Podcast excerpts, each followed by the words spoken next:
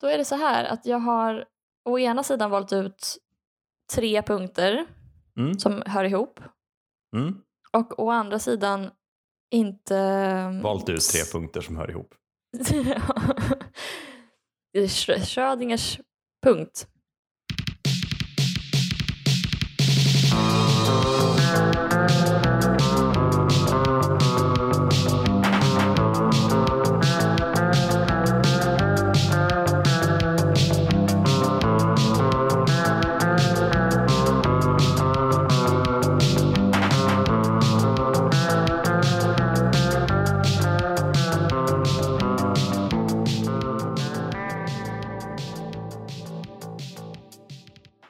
Ellen Theander, det är Kim Eklöf här.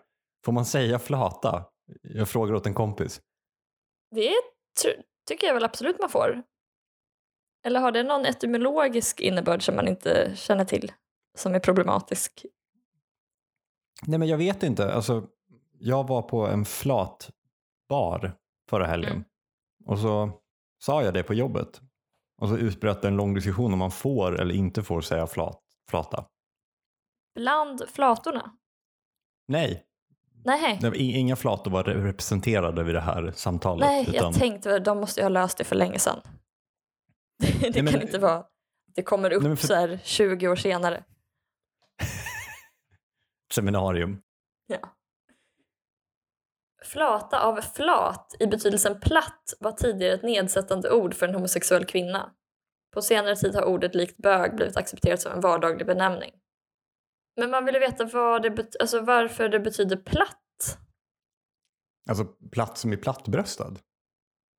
Ja, kanske. Troligen anspelning på okvinnlig kroppsform. Mhm.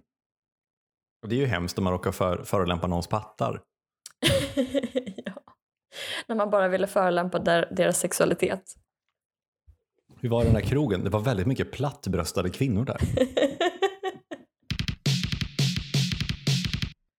ja, hur mår du idag då? Bra! Alltså jag börjar börja tro att eh, mitt humör bara är kopplat till, eh, eller så här, jag börjar tro att mitt humör påverkas av hur mycket jag sover. Vad får dig att tro det? Jag har sovit gott de senaste dagarna och mår toppen. Jag är till exempel inte trött och fylld av energi. Det låter konspiratoriskt tycker jag. Inget vi Mm. behöver gå ut med i podden kanske. Inte råda folk att prova på den här ifall de råkar skada sig. Nej, Hur mår du? jag mår bra. Jag har tyvärr ingen anekdot, jag har, jag har inte förberett. det, det är kul att jag, det, det är verkligen den enda gången jag tänker på hur jag mår är om jag ska förbereda, nå- förbereda något försnack till vår podd. det är enda gången jag registrerar vad som händer i mitt liv. Punkt 671. Som en hundra år försenad Strindberg går jag runt och surar över allt som är kungligt, det vill säga alla kulturinstitutioner. Det tror jag leder till att kulturen är för endogen för att vara subversiv, stökig, irriterande och undersökande. Och punkt 196. Jag vill bara påtala att jag var först med att roasta Svenska Akademin. Och punkt 721. Pilfen Mallarmé. Kul, jag har sett den sista punkten och tänkt, vem är det? Mm, Spännande. Mallarmé, vem är det? Ett obegripligt första maj-tåg.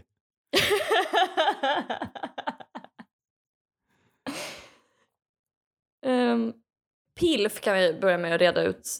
Poet I'd like to fuck. Men det, Mhm. till att börja med så vill jag revidera den här punkten för att jag läste om Mallarmé ett efterord till en Fauns eftermiddag. Mm. Och då kom det fram att han eh, inte eh, ha, hade förmågan att älska. Mallarmés idealdikt var den tysta dikten, den vita ytan. Men en sån dikt kan inte finnas, den är bortom diktens gräns. Det är en metafysisk filosofi om icke-varat som ligger bakom denna strävan. Icke-varat är sanningen. Malamés sista dikt, Ett tärningskast, slutar också helt följdriktigt med en storslagen vision av en värld där allt liv har slocknat. Denna extremt opersonliga syftning är dock på, sätt, på så sätt personlig att den bottnade i en brist på vitalitet hos honom själv. Schizoid okänslighet diagnostiserade den psykiatriska sakkunskapen, som till och med ställt frågan Har Mallarmé alls levt? En paradoxal fråga om en person med sådan känslighet att han visserligen av en hängiven lärjunge men inte utan fog har sagts vara den mest perfekte poet som hållit i en penna. Han var liksom helt avstängd och kall och led väldigt mycket av det då eftersom han just var poet. Det är lite speciellt yrkesval för en schizoid. Ja, det är som om du som saknar luktsinne bara, jag vill verkligen jobba med parfym. Verkligen när hans barn, det var hans dotter, föddes så hade han skrivit att han inte han kände sig inte berörd av det överhuvudtaget. Det var som att det inte angick honom att han hade fått ett barn.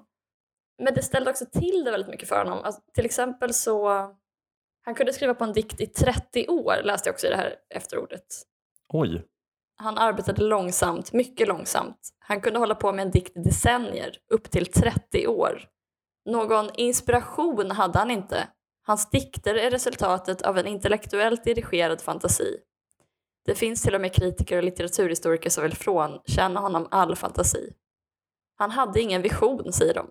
Han var bara en skicklig illusionist som fingerfärdigt utförde en serie konstgrepp som ska övertyga läsaren om existensen av saker som helt enkelt inte finns.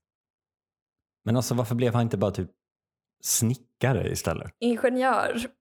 Ja, alltså varför, eh, om man nu är så... Det är som om jag skulle ge mig fan på att bli trapetsartist. Jag vet. Det tog honom fem år att gå ner i spagat. Spelar det här högen i händerna? Att alla har möjligheten, bara de kämpar tillräckligt hårt. ja. Du kan bli vad du vill. Det enda jag hör är sänk a-kassan. Han fyller också föremålen med suggestiva hemligheter. Det är som om de vibrerade av något slags osynlig energi. Ändå är det ingen känslopoesi, ingen upplevelsepoesi, ingen bekännelsepoesi. Ni gråter alltså aldrig era dikter, frågade en naiv besökare honom en gång. Nej, och inte snyter jag mig heller, svarade han. Lyrik var för honom något helt annat än entusiasm och delirium. Den var tvärtom en bearbetning av ord till en röst som döljer både diktaren och läsaren. Man har beskrivit Malamés metod så att han skulle överflytta skeendet från verkligheten till språket. Dikt är ett skeende i språket, inte i verkligheten. Inte ens i en idé om verkligheten. När målaren Degas, som också skrev poesi, beklagade sig över att han fick så många idéer när han diktade att de hotade för fördärva dikterna, sa Mallarmé. Dikt görs inte av idéer utan av ord. Jag tänkte nu på Malamé när jag läste, för jag kollade lite på den här doktorsavhandlingen som har varit i ropet i, eh, ja egentligen sedan den lades fram. Jag vet inte hur mycket i ropet man ska säga att den har varit men det har ändå varit någon form av snackis att det var en doktorsavhandling som producerades, som lades fram för Stockholms konstnärliga högskola. Mm som blev underkänd.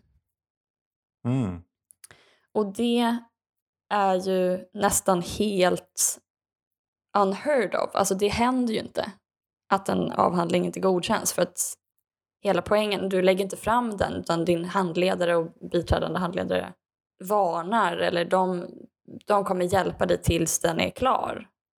Mm -hmm. Gud vad, vad spännande. Men varför, är det, är det bara på Stockholms konstnärliga som det händer eller är det typ alltid så?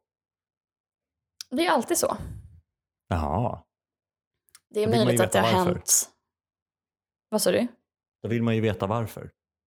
Ja, och Stina Oskarsson har i SvD intervjuat mm. den här författaren till doktorsavhandlingen som heter eh, Bogdan Syber.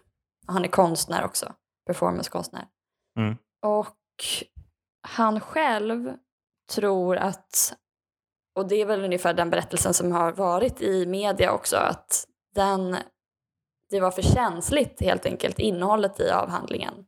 För att den, är, den kritiserar själva institutionen Mhm. och akademin. Han bara, den är för bra. Den var för stark. Så han undersöker själva akademiseringen av konst och Mm. etablerar ett nytt begrepp som han kallar för eh, edu-art. Någon slags akademisk konst, som att det skulle vara en egen genre att göra en sån här, ja men till exempel skriva en avhandling eller göra väldigt idédriven konst är han också Mm. inne på. Och så, dessutom har han en, det är en ganska intressant del i den här avhandlingen också som är att, och så är det i all akademisk forskning, att man anlitar eh, utländska akademiker. Jag vet inte om det alltid är akademiker, men det är i alla fall väldigt vanligt att man eh, anlitar indiska mm, kodare och sådär till exempel. Mm. Även i, inom konstnärlig forskning så lägger man ut, man använder utländsk arbetskraft som gör, de, är någon slags digitalt proletariat kallar han dem för, som Mhm. i princip utför all forskning åt konstnären. Men de får ju såklart ingen erkännande och inte så bra betalt. Mm. Han menar ju att det är institutionskritik och det är känsligt och därför har den här avhandlingen blivit kuggad. Mm. Men nu, eftersom jag har kollat lite i den, så är jag ganska säker på att det inte är eh, fallet, utan den är väldigt, väldigt dålig. Breaking. Och det är väldigt intressant för att hans kritik Mm. mot den här akademiska konsten Mm. är att den tvingar in konsten i eh, en eh, form, ett annat medium som helt korrumperar och förändrar eh, vad konst överhuvudtaget är på något sätt. Och Mm. dessutom produceras just väldigt idéburen konst då som är det får gärna vara något queer-perspektiv eller något, någon förtryckt grupp hit och dit. Man riggar det från början så att man kan skriva någonting som är intressant. Alltså istället för att utforska typ fritt i ett fält. Och Problemet tror jag inte bara är att det är en intellektuell typ av konst som produceras utan det är också att det måste vara säljbart på någon slags akademisk marknad. Mm. Jag tyckte det var intressant för att då så tycker han att det är synd att hantverket och utförandet av konsten på något sätt blir lidande. Mm. Men det jag ser är att han, hans avhandling är ett utmärkt exempel på just det han kritiserar. Mhm. För att han drivs av en idé och utförandet är inte bra. Det mest konstnärligt intressanta med den här avhandlingen tyckte jag var att han har gjort den väldigt fint i Indesign. Så den är, har väldigt fin formgivning. Men texten är alltså otroligt ointressant. Problemet är att det här är redan sagt. Han är Mm. inte den första. Alltså, så, och det var också därför jag tog med den här andra punkten att, där jag skriver att jag var först med att roasta Svenska Akademin, vilket såklart inte heller är sant. Mm. Men jag bara känner igen mig själv och ser mig själv också i någon slags så här svart spegel när jag ser hans avhandling för att det är väldigt mycket en debattartikel. Det är Mm. inte så mycket vare sig ett konstnärligt eller ett intellektuellt akademiskt utforskande av ett ämne som det är bara en eh, man som tycker att han har genomskådat allt, som är sur och som egentligen borde, ha- han hade kunnat sammanfatta det i I en tweet. en tweet ungefär. Mm. Så här, så här skriver han. Having an expense budget as a PhD candidate, I was in the position of being able to offer production resources to a buyer. I also felt the need to introduce some kind of chaotic randomness and or Dionysian craziness to the project, while I felt myself being coerced into playing a number of stereotyped institutional roles without anyone actually defining and or implementing them in any way. Embodying the Swedish idiom det sitter i väggarna, meaning the sturdiest of informal conditions slash traditions that are literally sitting in the walls, hence extremely hard to change. Said and done. The person to contact was Kelly Davis, a person I knew to be very quick witted in addition to being versed in narrative structures for film and theatre. We had worked together before on a dance theatre project in 2006.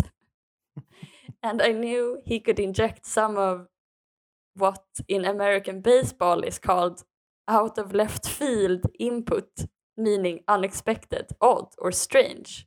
Dionysian, if you will. So Kelly and I started communicating, and very quickly the left field stuff started flowing in. Vilken fin LinkedIn-post. ja. Jag vet, ja.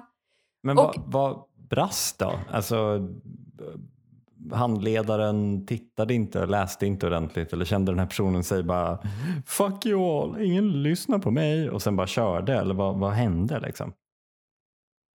Nej, ja, jag vet, jag, svårt att säga, men eh, man märker ju också att han, han, och han skriver om det i avhandlingen också, att han blir ensam, han blir utstött, folk blir sura, även under tiden han skriver och arbetar med det här. Ja. Så att han blir allt mer isolerad och sådär. Och så, han, det är liksom väldigt gnälligt får man säga och rätt saviristiskt. Eh, Ja. Hela tonen och mycket så här jag, jag, jag.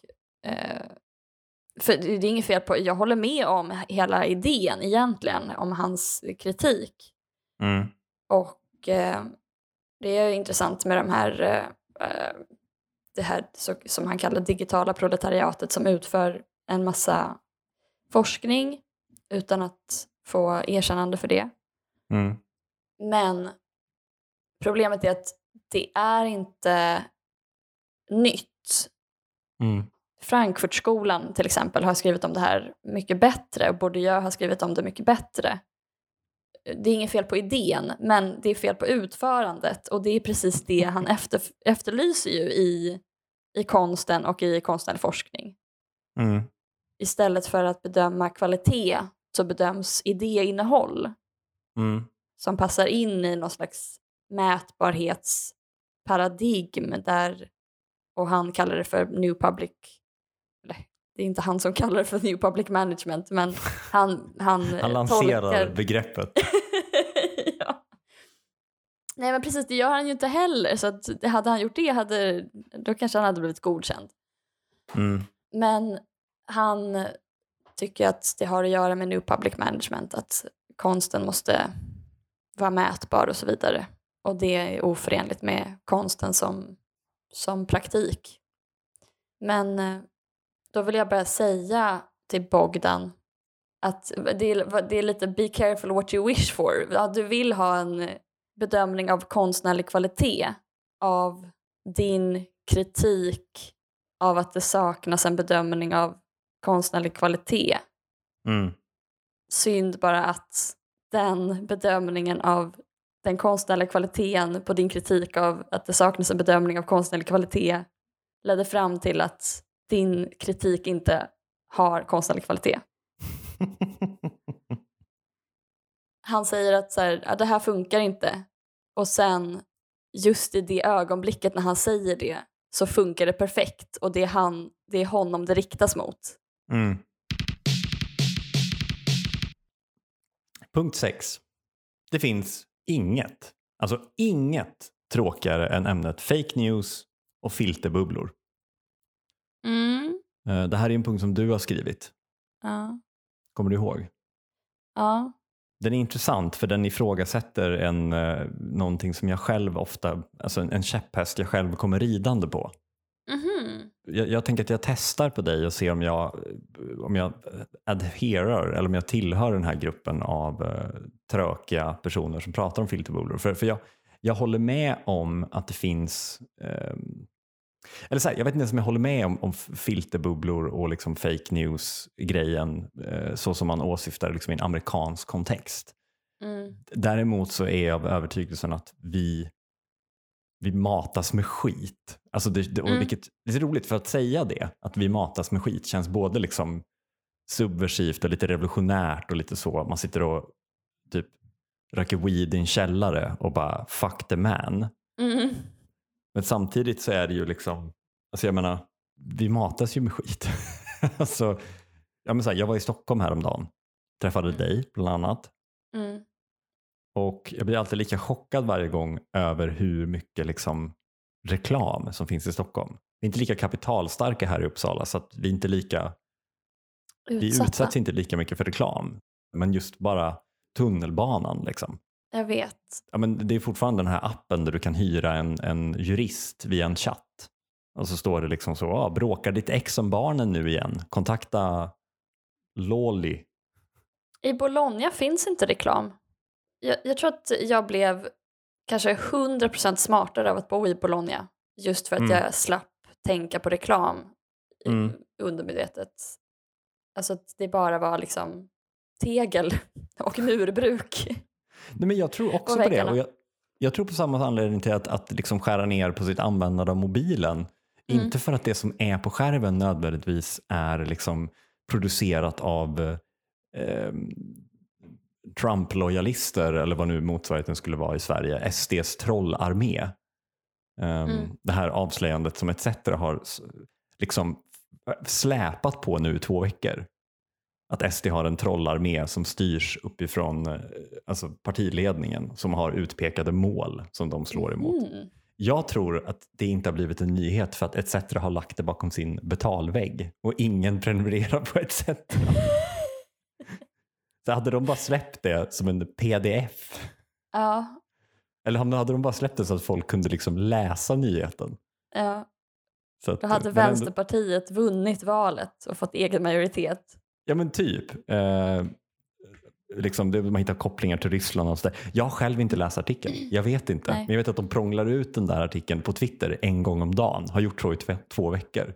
Och det är väldigt Aha. många människor som bara, hur kan det här inte vara valets största nyhet att SD har en trollarmé? Och då sitter jag där och mm. bara, för att ingen har läst den. För att ingen fungerar på dagens Jag kommer inte skriva in mina kontouppgifter. Jag kommer inte ge Johan Ehrenberg tillgång till min Klarna. Jo, jag tror inte att det finns en så stor konspiration eh, än.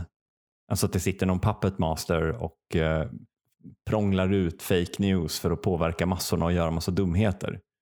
Vi har ju det vanliga, partiets, partiernas talepunkter. Och på det sättet så är det här en väldigt dum, dum, dum jävla valrörelse. Mm. Eh, där, man istället för att liksom lägga ut sina längre visioner och prata om hur man ska bygga om socialförsäkringssystemet eller göra en stor skattereform eller vad som helst så att man får realistiska politiska alternativ att rösta på så är det istället eh, bara så här Alltså jag skulle vilja sammanfatta det för att återgå till det vi pratade om i början, att det är en bög versus inte bög valrörelse. Alltså vill man ha bögig bögig vindkraft? Eller vill man ha riktigt maskulin kärnkraft? Ja. Vill man, vill man ha... ha bögiga brottsförebyggande åtgärder eller vill man ha oböga dubbla straff för folk som överhuvudtaget har, någonsin har ens sneglat på ett gäng? En egen brottsskala. Och jag tror inte heller att det är liksom the product av eh, fake news puppet masters. Jag tror bara det som du är inne på med Bologna, att man har hjärnan fullt mm. av så mycket skit. För mm. eller emot eh, vindkraft, Um, ska jag skaffa en app för att prata med en uh, advokat? Alltså det, problemet är inte filterbubblor utan bara filter. Jag, jag roat mig med att titta på gamla valdebatter. Mm. Uh, när de ska försöka prova på lite rappa, moderna format. Mm. Som valet 81 tror jag. Uh, när de bara får tre minuter på sig Om man jämför det med liksom de valdebatter som var i början av det här valet där alla fick 30 sekunder. Ja, exakt. Hur ska ni fixa Beskriv ditt gängkriminaliteten? parti med tre ord. ja. Men anledningen till att jag skrev den här punkten, eller det jag tänkte från början var nog att det är en väldigt DN-förklaring så att säga. Att Mm. allt missnöje är ogrundat eller att Mm. ja, någon är höger. Det måste betyda att den är felinformerad. Men ehm, för, för en materialist så är det en omvänd förklaring att det finns att information sipprar ner på något sätt och påverkar basen, ekonomin och politiken. Mm. Ja, men det bara, dels är, så är det ju liksom arrogant att säga du, att så här, du, po- politik handlar inte om åsikter, politik handlar om fakta. Mm. Och om du inte har koll på fakta då kommer du rösta för Brexit Mm. och liksom, eller för Trump. Mm. Men det kan ju knappast vara så att halva USAs befolkning är felinformerad. Mm. eller halva Storbritanniens. Utan folk är är väl emot EU, herregud. Trump representerar väl då anti-etablissemang och då blir det ju konstigt att försvara etablissemanget med någon slags etablissemangsargument. Att så här, Mm. fa- fakta säger att du ska lyssna på mig. eh, och att man bara, men nu är det så att jag litar inte på dig så därför litar jag inte på fakta som säger att Mm. jag ska lita på dig. Eller förstår du? Att det är någon så här, det som de här människorna ifrågasätter det är också det som är svaret på att de ifrågasätter det. Att säga, ah, Okej, du ifrågasätter fakta. Vad sägs om lite fakta för att hjälpa Mm. dig tro på fakta? Eller? Mm. Ja, men det, det, precis, och det, det blir ju verkligen, alltså man blir helt oförstående för de, de här människornas, liksom, varför skulle du vilja ha någonting annat än det samhället vi har nu? Du måste ha missförstått hur toppen det är. Liksom. Alltså, ja, men det blir ju lite som i början av, ja, men när Sverigedemokraterna kom in Mm. i, och vi alla sprang runt med pins där det stod vi gillar olika. Mm. Liksom. Det, det är klart att en av problemen som uppstod där och då, eller som uppstod där och då, men som blev akut där och då, det var ju liksom främlingsfientliga krafter i riksdagen Mm. och med allt det kan innebära för de grupper som den främlingsfientligheten riktas mot. Och det Mm. behöver man hantera. Men alltså, springer runt med färgglada tröjor och säger var inte rasist när det, det partiet då kanske hade en helt annan syn på socialförsäkringssystemen som hade monterats ner kraftigt under alliansåren. Nej, Och det exakt. var en väldigt bra sammanfattning då att det var en riktigt DN, för, alltså Peter Wolodarski springer och låser upp sajten. Den artikeln de har pinnat varje gång man öppnar DN nu så är det en bild på en leende Peter Wolodarski. De spänner blicken i en och säger DN låser upp sajten. ja. Kom in i värmen nu, banner. pöbeln. Någon borde göra en sån slumpgenerator. DN låser upp sajten PGA. Och så Ja. bara varför de låser upp sajten. ja, just det, precis. Ett sån, en bot på Twitter. Nej, men precis. Nej, men det finns väl någon, någon materiell orsak till att folk inte litar på fakta. Jag tror också att den, alltså den orimligheten, om man ska säga det själv då, alltså i, i många av den politiska, ja men ta, om man nu är det så jävla tråkigt att göra en jämförelse med USA för det, det känns platt. Mm. Men, men ta USA som exempel, alltså komma och säga att jag ska ta tillbaka amerikanska kolarbetarjobb eller jag ska eh, bringa liv i amerikansk bilindustri igen. Liksom. Mm. Ehm, och det finns ju flera anledningar till varför det inte går i det rådande systemet. Mm. Men det är ju ändå bra Alltså det är inte bra politik, men det är bra politiskt tänkande om du förstår vad jag menar. Alltså säga att typ en av mina hjärtefrågor är totalt återförstatligande av järnvägen. Alltså jag vill, Mm. inte, jag vill bara ha SJ. Mm. Är det det bästa för valfriheten och det bästa för punktligheten? Jag vet inte. Nej. Jag vill bara ha SJ och jag vill att de ska tvingas ha en mysig träbistro på alla tåg. Mm. Det är min världsbild, min åsikt, min lilla kulle som jag dör på. Ja. Eh, är det den bästa för samhället? Är den helt korrekt? Jag vet inte. Jag har inte gjort några utredningar.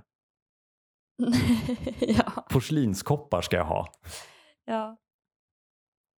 Det skriver ju eh, Marx också om. En annan bot vi skulle kunna uppfinna. Att jag hittar olika skäl att referera till Marx i varje avsnitt. Han gör sig lustig över den vetenskapliga ekonomin. Mm.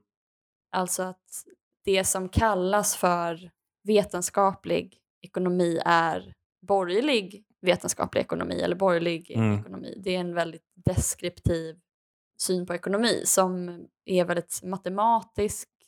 Den är inte visionär, den är inte ideologisk, eller den är ideologisk men det är en, någon slags os, massa osynliga ideologiska antaganden. Och så gör han sig lustig över att ja, men, eh, vad är ekonomisk forskning? Vad är ekonomisk vetenskap? Jo, det är vetenskapen om att man inte överhuvudtaget får tänka. Mm. Vetenskap, ka- som Bertrand Russell säger, kan ju användas för vad som helst. Vetenskap är inte, eller fakta, eller vad man ska säga, det är inte, det betyder inte så mycket i sig. Man kan använda vetenskap för vad som helst. Det sanna är inte det goda.